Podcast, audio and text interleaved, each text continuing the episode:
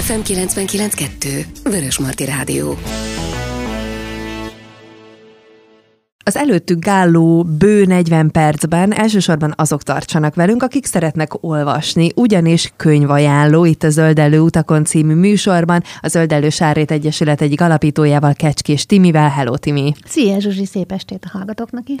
Tényleg könyvajánló lesz, bármennyire is meglepő. Igazából nem meglepő, hiszen nagyon sok információval jöttök adásról adásra, hogyha van egy téma, amiről szeretnétek beszélni, annak alapvetően mindig utána jártok. Egyrészt benne vagytok, másrészt pedig utána jártok, hogy minél hitelesebb tájékoztatást tudjatok adni a hallgatóknak, vagy minél inkább gondolatébresztőbb dolgokat tudjatok mondani. Nyilván ennek egy forrása vagy egy, egyik forrásai lehetnek a könyvek, de ezek a könyvek bárki számára elérhetőek, csak nem tudunk róluk, mert hogy talán, ha arról beszélünk, hogy olvasás, akkor a, a szórakoztató olvasmányokra gondolunk. Hát kinek mi legyen éppen az a stílus, amit szeretne, de talán kevésbé mélyedünk el a környezettudatosságban, legalábbis könyvek szintjén. Nem tudom, hogy ez mennyire lehet igaz, vagy Timi, te hogy gondolod, hogy ezek a típusú könyvek, amiket te majd most nekünk ma ajánlani fogsz, ezek mennyire népszerűek lehet, mennyire lehetnek népszerűek az olvasók körében? A két felé bontanám a kérdést, illetve a válaszomat, mert amit hoztam és fogok ajánlani, azoknak egy része mm, regény, és pont azért is akartam regényeket hozni, bár talán a téma felvezetés alapján távolabb állnak a témától, de népszerűbbek és könnyebben elérik az olvasókat, és most már vannak olyan regények, sőt szinte műfajok alakulnak ökotudatosság tekintetében. A sci-fi mintájára van a CLIFI, ami a Climate Fiction, ami olyan típusú jövőben játszódó elképzelt történet, aminek a, a tudományos része, tudományos fantasztikus része nem valamilyen nem tudom, meteorit becsapódás, vagy egyéb űr katasztrófa, hanem a klímaváltozással kapcsolatos, és erre talál ki, az a fantasy rész, hogy arra talál ki megoldást a szerző, de nem csak ebben, hanem szép irodalmi vagy szórakoztató regényekben is teljesen előfordul. Van olyan regény, ami direkt ezzel foglalkozik, de van olyan, aminek mellékszála, olyat egyébként nem hoztam, aminek mellékszála most, amiben csak olyan szereplő van, akinek fontos a környezettudatosság, amiben csak feljön ez, hogy ő viszi mindenhova a kulacsát, vagy tömegközlekedik, vagy egyéb olyan dolgokat tesz, ami környezettudatos, vagy egy olyan kávézót alapít valaki. Tehát egyre, egyre több az ilyen, és ez az egyik oldal, hogy regényekben találkozhatunk vele, és fogok én is mesélni olyanról, ami kifejezetten erre a témára alapult. A másik fele viszont az ismeretterjesztő, és szerintem azt kevesebben vagy célzottabban olvassák, Nyilván inkább azok, akiket valamilyen szempontból már érdekel. Ugye nagyon ágazó a téma, ami látszik a rádióadásokból is, hogy minden héten mást és mást e, tudunk előszedni, és én is többféle témában hoztam ismeretterjesztő könyvet is, e, adott témában, amivel te szívesen foglalkozol, amire te hobbithoz kapcsolódik, lehet találni e, ismeretterjesztő könyvet, ami környezettudatos oldalról fogja meg ezt a dolgot. Jó, nyilván a legspeciálisabb hobbikban nem biztos, de legyen az az utazás, a túrázás, a kertészkedésről hoztam többet is, főzés, mm, és hirtelen soroltam néhányat, maga az olvasás is egyébként, bár arról külön nem tudok könyvet, vagy a környezettudatos olvasás, uh-huh. de maga az olvasás is lehet hát úgymond káros környezet szempontból, tehát nem mindegy, hogy milyen papírból előadott könyvet honnan, mennyit szerzel be. Üm, és akkor így gondolom, hogy a kérdésedre a választ, hogy szerintem a regények alapvetően népszerűek. Kérdés, hogy az, hogy egy regénynek kifejezetten témája valamilyen klímatudatos gondolat, az éppen mennyire teszi népszerűvé vagy kevésbé népszerűvé. Az ismertérző könyveket viszont én úgy gondolom, hogy úgy látom a környezetemben, hogy inkább a saját szakterületén olvas mindenki, és akinek nem kifejezetten kapcsolódik ide a témája, az talán kevésbé ismeri meg őket. És most olyanokat hoztam, amik úgy mindenkinek érdekesek lehetnek szerintem. Igen, remélem, hogy sikerült ezt így összeválogatnom. Ezek mind saját könyveim, mind otthonról, illetve nem igaz, van közte könyvtári, mindent otthonról hoztam. És nem is tudom, vágjunk is bele. Szerintem vágjunk bele, hmm. akkor hát a sorrendet abszolút rád bízom. Igen.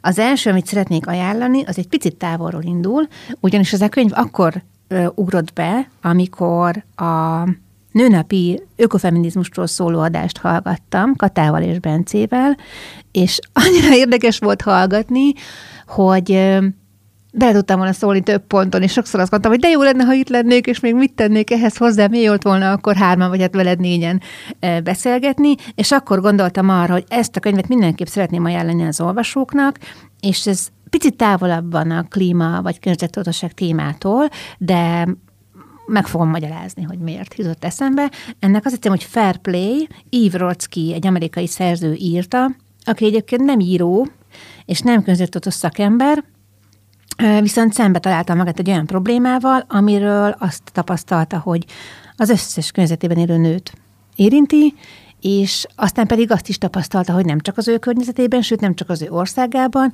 ezért jelent meg aztán ez a könyv magyarul is, nem tudom, tudják ez olvasók, hogy hallgatók, bocsánat, olvasók. És olvasók. Hallgatók és olvasók, igen, hogy Reese Witherspoonnak van egy könyvklubja, ami követhető Magyarországról is. Nyilván ő angol nyelvű könyveket ajánl, de nagyon sok az ajánlásai közül megjelent magyarul is, és ez az egyik könyve volt ennek a könyvklubnak, tehát mivel ő ugye óriási ismertséggel és követőtáborra rendelkezik, aki őt követi és értesül arról, hogy ő mit olvas, hogy mit ajánl ebbe a könyvklubba, az a könyv az így nagyjából borítékolható, hogy hatalmas népszerűségre tesz szert. De nem csak ez az oka, én is nagyon szeretem, kicsit ilyen kézikönyvként használható. Mondom, hogy mi volt a probléma, amivel Ív szembe találta magát. Az volt a probléma, hogy elmentek a barátnőivel egy, azt hiszem, merrákkal kapcsolatos felvonulásra, nem egy tüntetésre, hanem egy ilyen eseményre, ahol sok nő együtt megjelenik, és nem tudom, két órás esemény, mind kisgyerekesek voltak a barátnőivel, és egy ponton, szép sorban mindenkinek elkezdett a telefonja pittyegni, amikor eljött a vacsora meg a fürdetés idő. Apukák üzentek, hogy hol van a gyerek cumis üvege, melyik kását szereti vacsorára, és miben, mit adjak rá, amikor lefeküdt, és egyáltalán hogyan kell megfürdetni, és ők teljesen így meglepődtek ezen, hogy hát hiszen az apja vagy, csináltál már ilyet, de hogy hosszabb idő után a kisgyerekes időszakban az egyik első esemény volt ez többüknek, hogy a barátnőkkel külön elmennek. És nem értették, hogyha fordítva zajlik ez a dolog, tehát apák mennek el együtt, és ugye nem két év után először, hanem sokkal gyakrabban, akkor ők nem keresik minden aprósággal, ami a gyerekkel kapcsolatos, pedig a gyerek közös.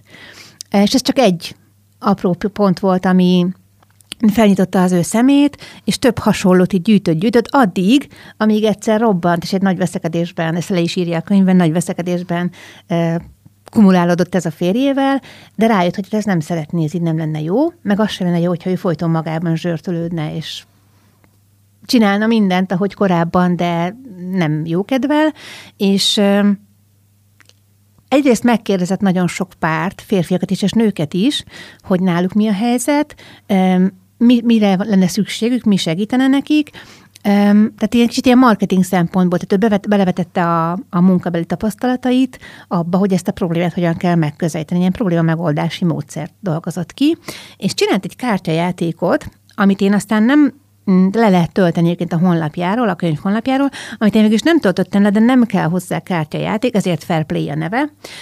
És az a szerintem korszakalkotó megoldás, vagy válasz a problémára, hogy sokfelől halljuk ugye az egyenlőséget, ezért ugrott be a, az adott adásról.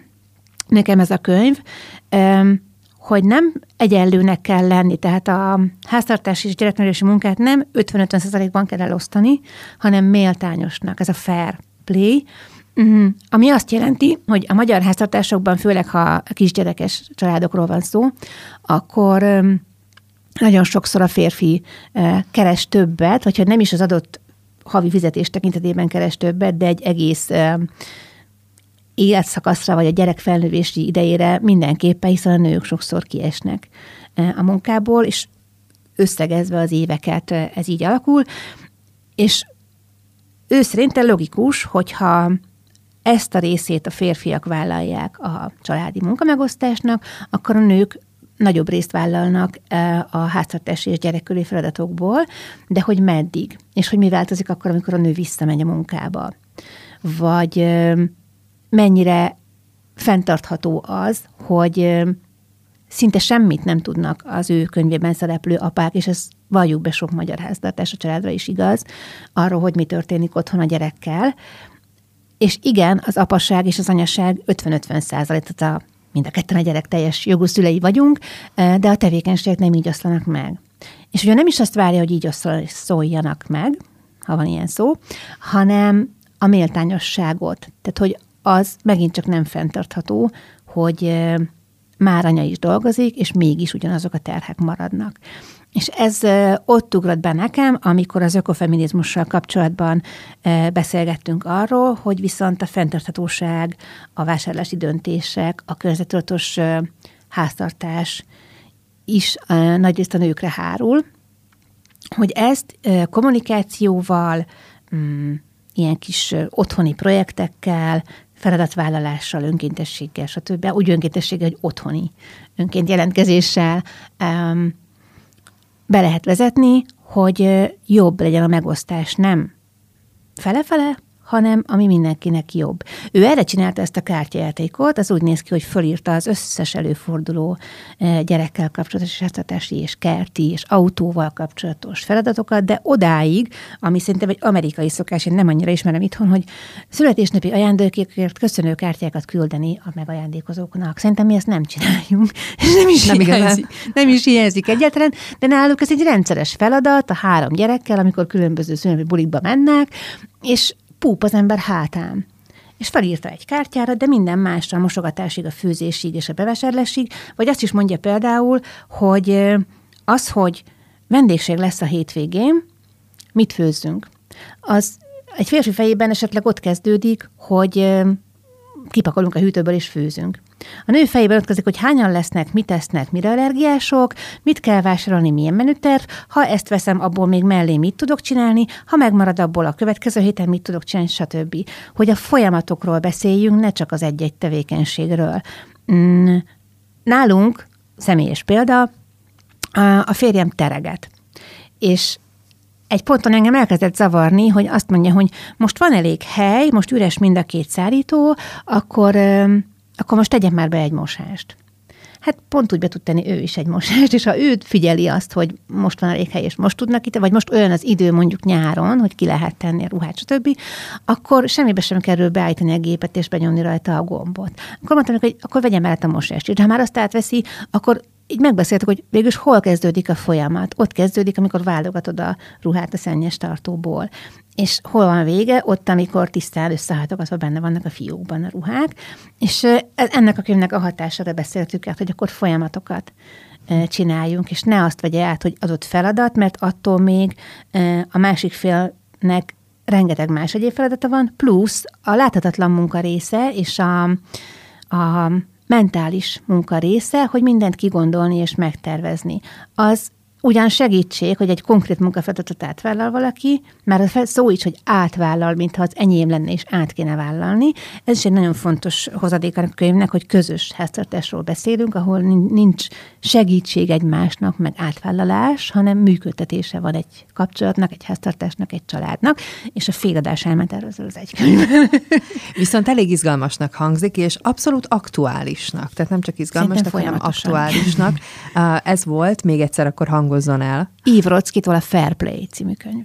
Ez volt az első a mai könyvajánlóban, de hát rengeteg könyv van még, úgyhogy igazából mindenféle átkötés nélkül menjünk is tovább, mert ezek a könyveket bizonyos szempontból összekapcsolódnak, egyébként meg nem.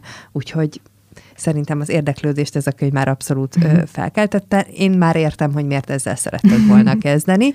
Szerintem a hallgatók is, na de van még előtted jó néhány könyv, amikről ejtsünk szót. Igen, azon gondolkodtam, míg beszéltél, hogy hogy folytassuk, és azt hiszem, hogy a regényeket fogom a végére tenni, mert az, ha valaki esetleg elveszteni az érdeklődést az ismert terjesztő könyvek között, akkor ott megint lesz egy újabb, érdekesebb, könnyebben nem észthető. A másik nagy kedvencem, ez ismeretterjesztő, Paul Hawken szerkesztésében a Visszafordítható című könyv, ez a HVG könyvek gondozásában jelent meg néhány éve.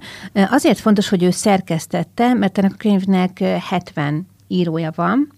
Ez egy projektnek a tulajdonképpen olyan, mint egy nagyon profi és nagyon érdekes diplomamunka. Egy projektnek a eredményeiről számol be. A projekt pedig a Projekt Drawdown nevű nevet viseli, ami a visszafordításról szól. Az a kérdés, azt szerintem sokunk fejében van ez a kérdés, hogy vissza lehet-e még, és meddig lehet visszafordítani a klímaváltozást. És ugye 2013 volt az az év, amikor nagyon sokan elkezdtek ezzel a témával foglalkozni, mert hogy akkor jöttek a legijesztőbb hírek sok egymás után az óceáni szemétszigetekről, a lángoló esőerdőkről és hasonlók, és ez indította el Paul Hawken fejében is azt, hogy ezzel ilyen szinten kéne foglalkozni, tényleg derítsük ki, hogy vissza lehet-e fordítani. És miket tehetünk? És, és ez a mi állandó kérdésünk, hogy mit tehetünk, hogy visszafordítsuk.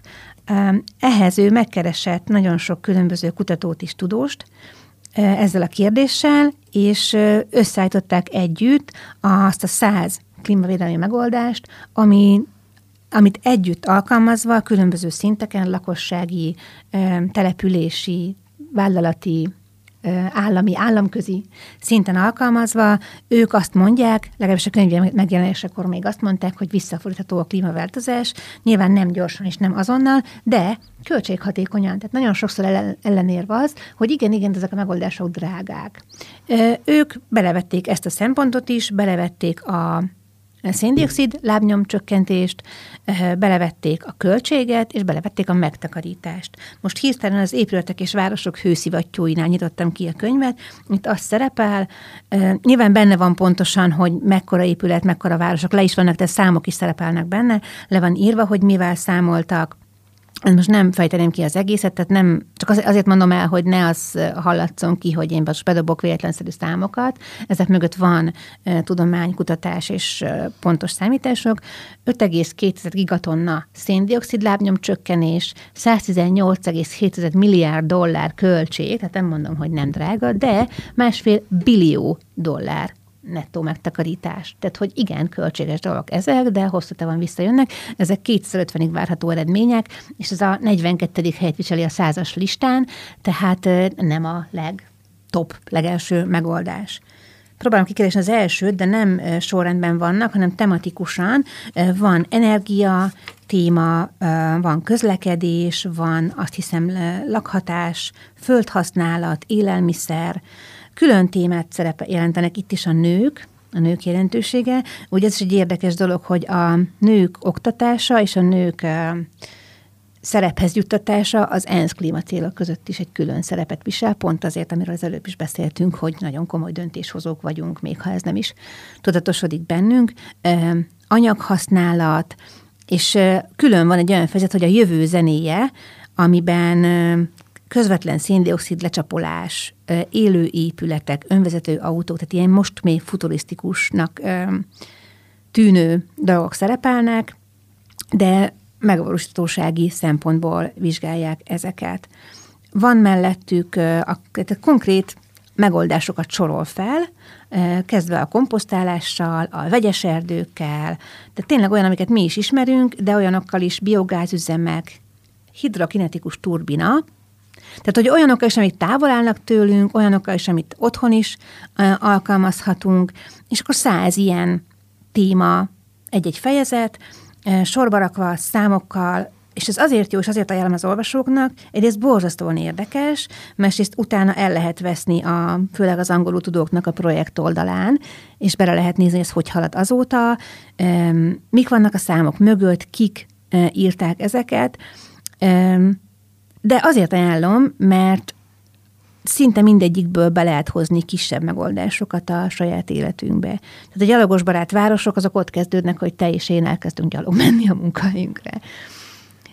És nem, nyilván város szinten kell ezt megoldani és támogatni, de ez mindegyikhez kell a lakosság, és ez az a könyv, amit Litkai Gergely, a humorista hozott be Magyarországra, akit ugye sokan ismernek a Duma Színház alapítójaként, de néhányan talán már ismerik arról is, hogy számára mennyire fontos a környezetvédelem, és ő is úgy találkozott ezzel a könyvvel, hogy az volt a, az volt a kérdése, hogy visszafordítható-e, és a projekttel találkozott, és ő is a Duma Színház támogatták a könyv magyarországi megjelenését.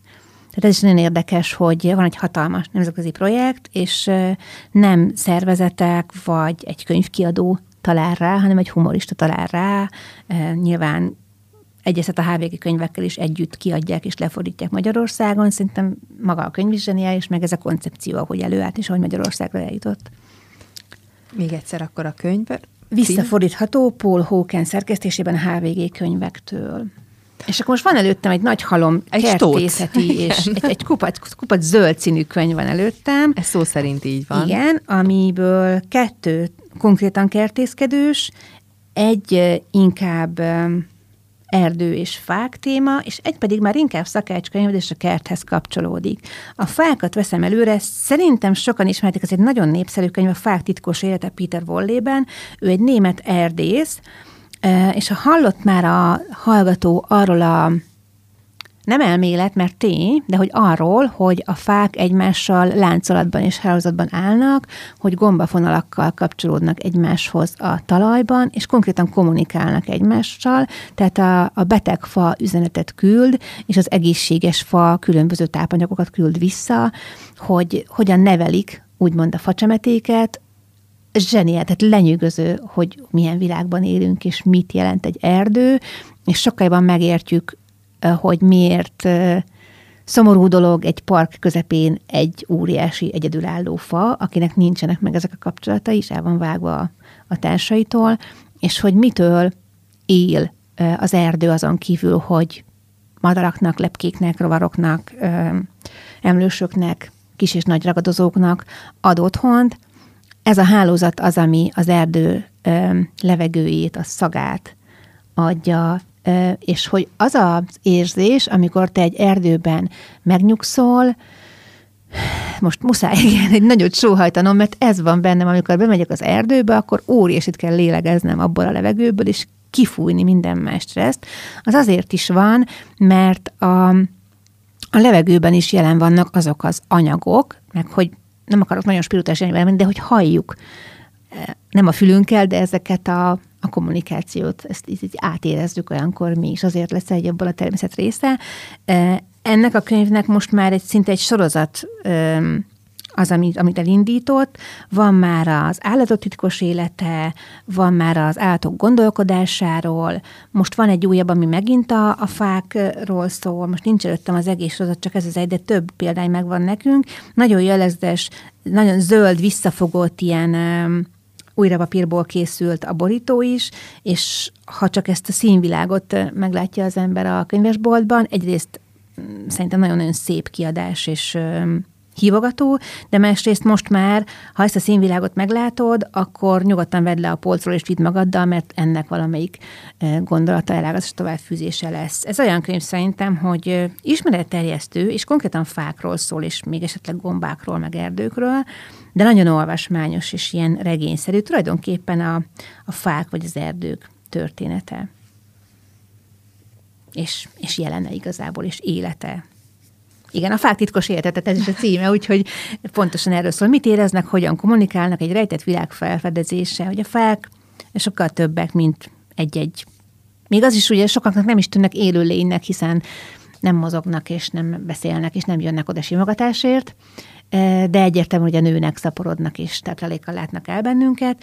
Úgyhogy egy dolog, hogy egy fa az egy élőlény, de hogy egy fa közösség az egy olyan mm, életközösség, mint egy emberi társadalom, csak a, a, a gonoszság és a negatív része az úgy kimarad náluk. Tehát még szimpatikusak is a könyv szereplői. És ráadásul, ahogyan te is utaltál rá, nagyon jó társaság. Igen. Viszont még vannak zöld könyveid, vagyis hasonló kaliberű könyvek, igen, amiket így egy, egy kupacba vettél nem véletlen, most. Igen, nem véletlenül zöld színűek. A két következő, amit egy kupacba vettem, az ö, mind a kettő magyar írókönyve, és mind a kettő kertészettel foglalkozik. A Bőségkertje Krumpach Erzsébettől, ez úgy tudom, hogy magánkiadás, ezt én a közösségi médiában találtam, és ott is rendeltem, nem láttam még könyvesboltban. A másik pedig Őri Barnabásnak a Három órás kert című könyve. Az első, a bőségkertje, ez volt az első, amit én tulajdonképpen permakultúra témában találtam, és nem is tudtam akkor még, hogy permakultúrás, és szerintem ő sem említi. Viszont az a nagyon vonzó alcíme, hogy konyhakert ásás és kapálás nélkül. Tehát ezt szerintem mindenkit megfog, mert ki szeret kapálni. A három órás kert is hasonlóan, hát termelnek saját zöldséget heti három órában.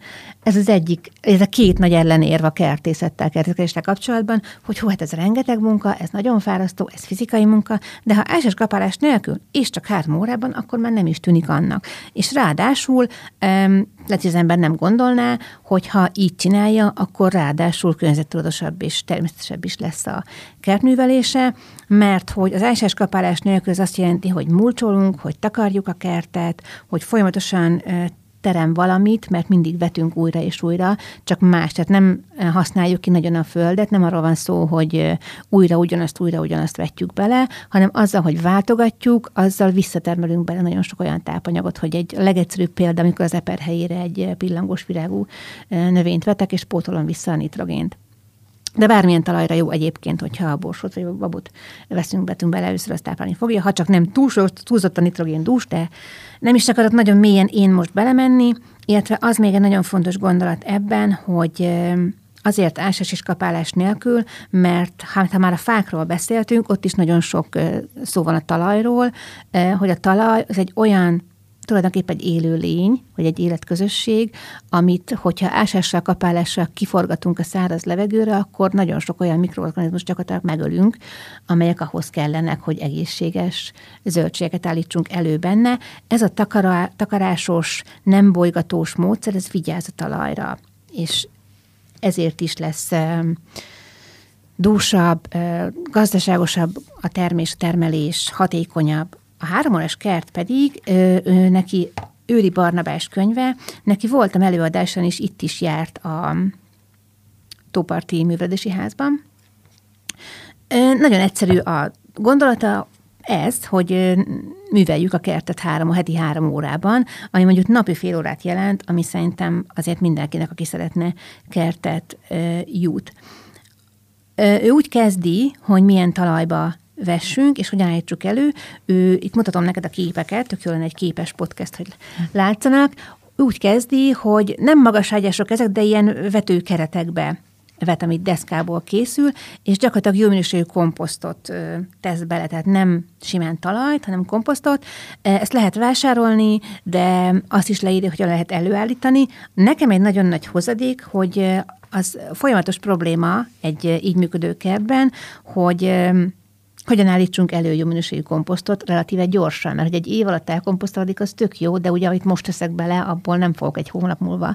E, és ezt is leírja, illetve ehhez tartozik különböző közösségi média megjelenés és YouTube videók is, és videóban is megmutatja, hogy hogyan lehet gyorsítani, és a megfelelő takarással, fényjel, meleggel természetes módon elérni ezt a komposztot, abba vet, ő is folyton újra vet. Ez a két könyv, ez nagyon rokon egymással, azért sokban másról is szólnak, külön veszi a különböző növény zöldségtípusokat, betakarítást, savanyítást, eltevést, fűszernövényeket, rengeteg fotóval, színes, szép, keménytáblás, jó minőségű ezt a kettőt nagyon ajánlom, és tudtam volna kertémában hozni, mert abból sok van otthon, de ez a kettő fontos, hogy magyar, és ugyanazt a szemléletet képvisel egy picit másképp. És aki most akarja elkezdeni, annak igazából ezt a kettőt ajánlanám, aki eddig nem ezzel a szemlélettel kertészkedett, vagy egyáltalán nem, annak ezt a kettőt tudnám ajánlani, azért ezeket hoztam.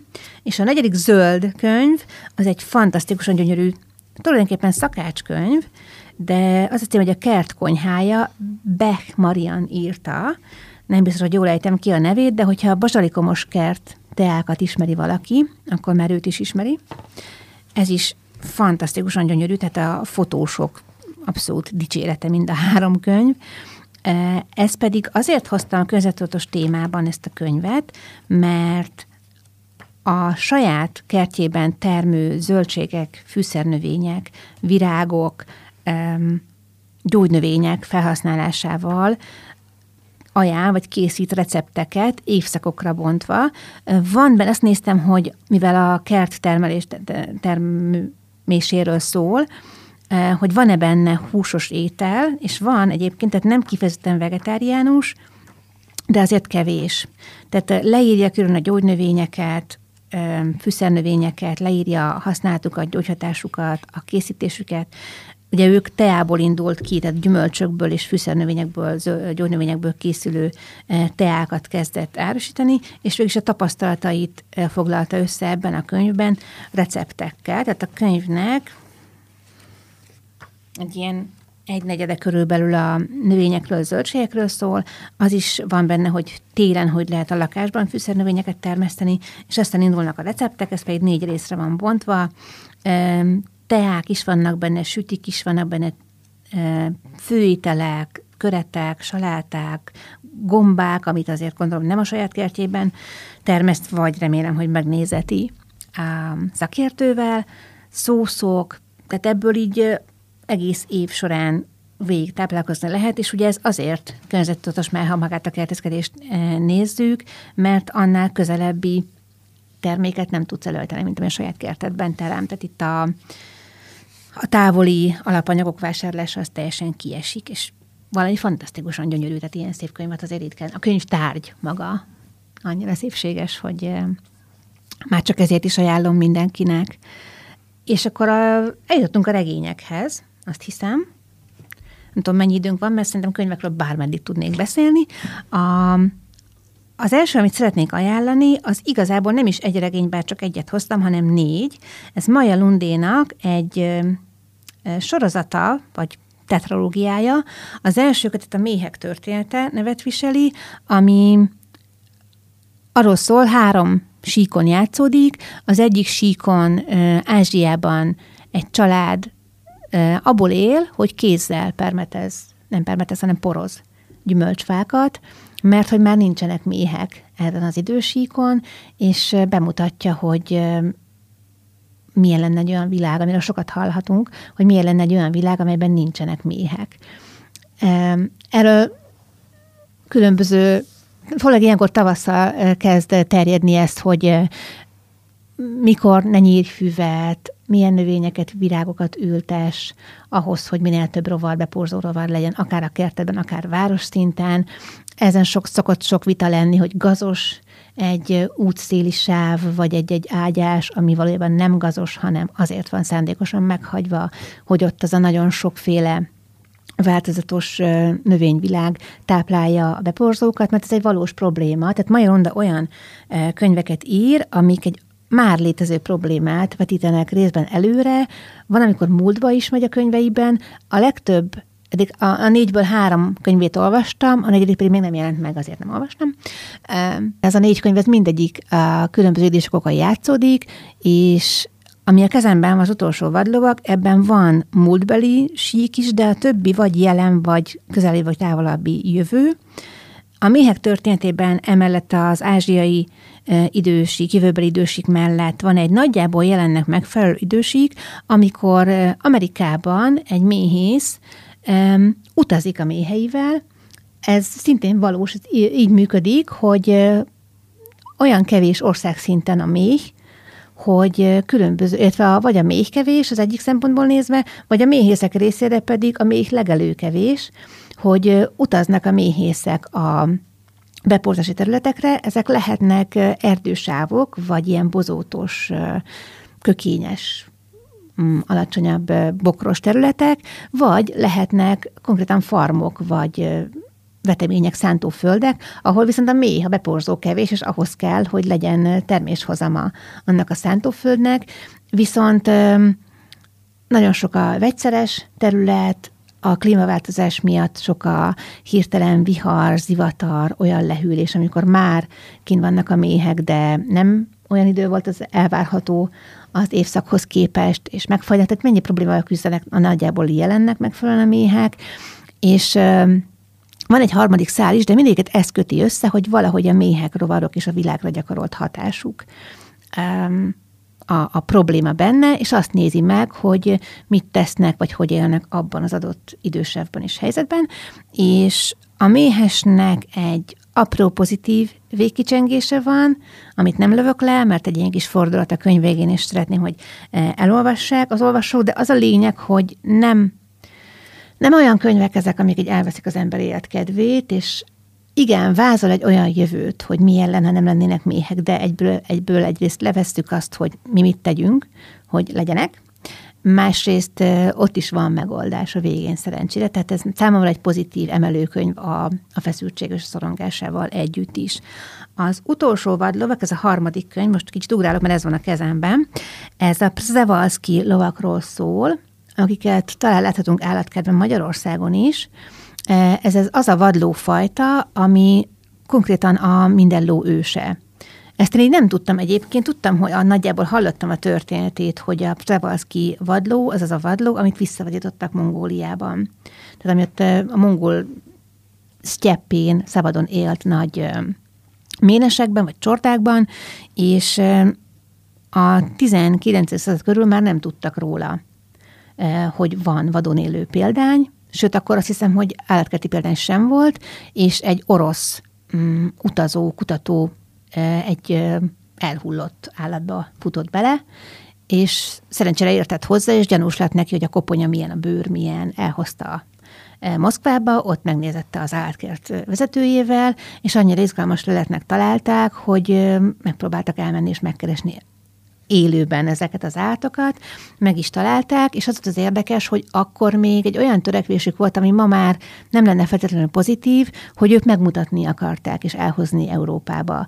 És leírja azt az utat, hogy 30 valahány lovat fogtak be, főleg csikókat, mert azokat volt könnyebb elszakítani ugye a, a csordától, ami megint egy pozitív fejlemény a mostani szempontukból nézve, de ha ez akkor nem történik meg, akkor valószínűleg azt az állományt levadázták volna, mert akkor sem volt egy nagy állomány, és sikeresen szaporodották őket, elterjedt több állatkertben, majd egy jó száz évvel később egy párizsi állatkert dolgozója gondolta azt, hogy mi lenne, hogyha megpróbálnának visszatelepíteni néhány állatot az eredeti környezetbe, és így sikerült a Pszevalszki vadméneket valóban visszavadítani, és hát tudom, hogy ez a történet a mai szemmel ö, több sebből vérzik, tehát eleve verseket van őket hozni, és a többi.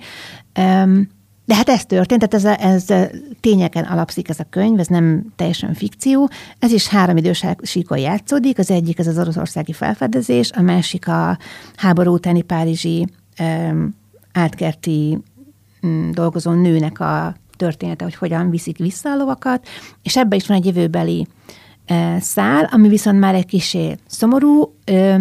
Ott arról van szó, hogy sokan menekültek éjszakra, ez is Svédországban játszódik ez a rész, egy farmon, ami korábban ilyen állatpark volt, ott tartanak két példányt ebből a vadlóból, és nem tudni, hogy létezik-e még valaha, valahol belőlük, és az végsőkig ragaszkodik hozzá a farm tulajdonosa, hogy ő nem fog elmenni, ő nem megy innen éjszakra, ő kitart, amíg lehet, mert hogyha ezeket az átokat szabadon engedi, akkor párosodni fognak más lófajtákkal, és akkor megszűnik a faj.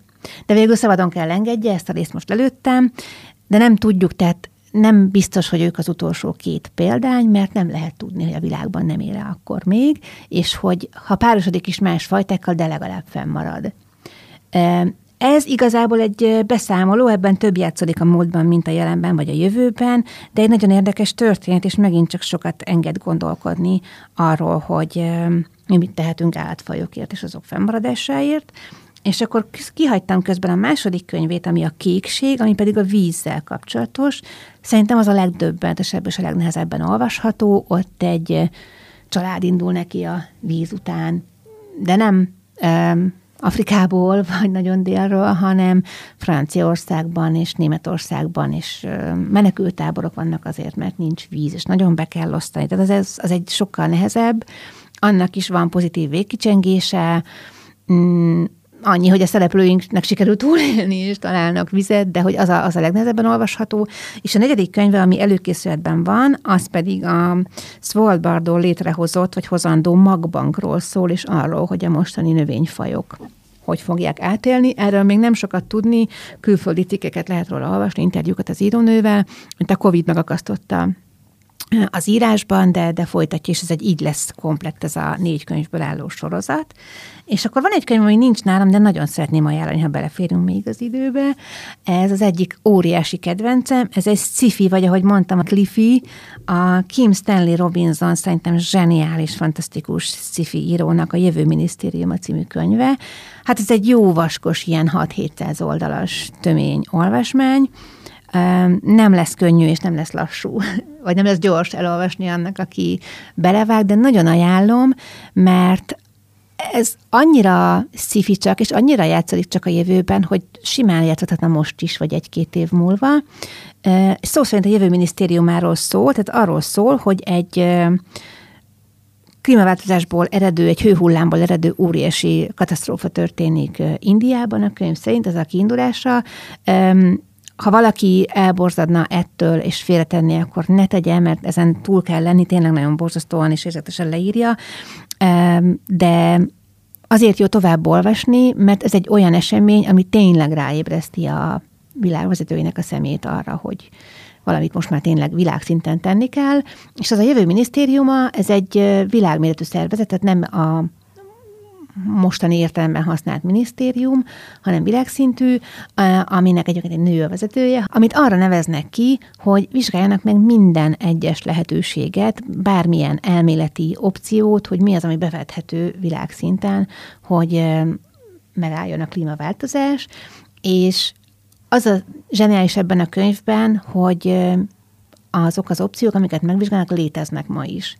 Tehát bevethetőek lennének, ugye sokba kerülnek, igen, az a kérdés, hogy mikor döntenek úgy, hogy tényleg ezekre kell fordítani pénzt és energiát, és itt a olvadó gletszerek vizének megfúrása és visszajutatása a gletszer tetejére, hogy megfagyjon. Innentől kezdve a jegesmedvék leköltötetés a déli sarkra, mert az északi már annyira olvad, de a déli az kontinens akkor is, ha olvad.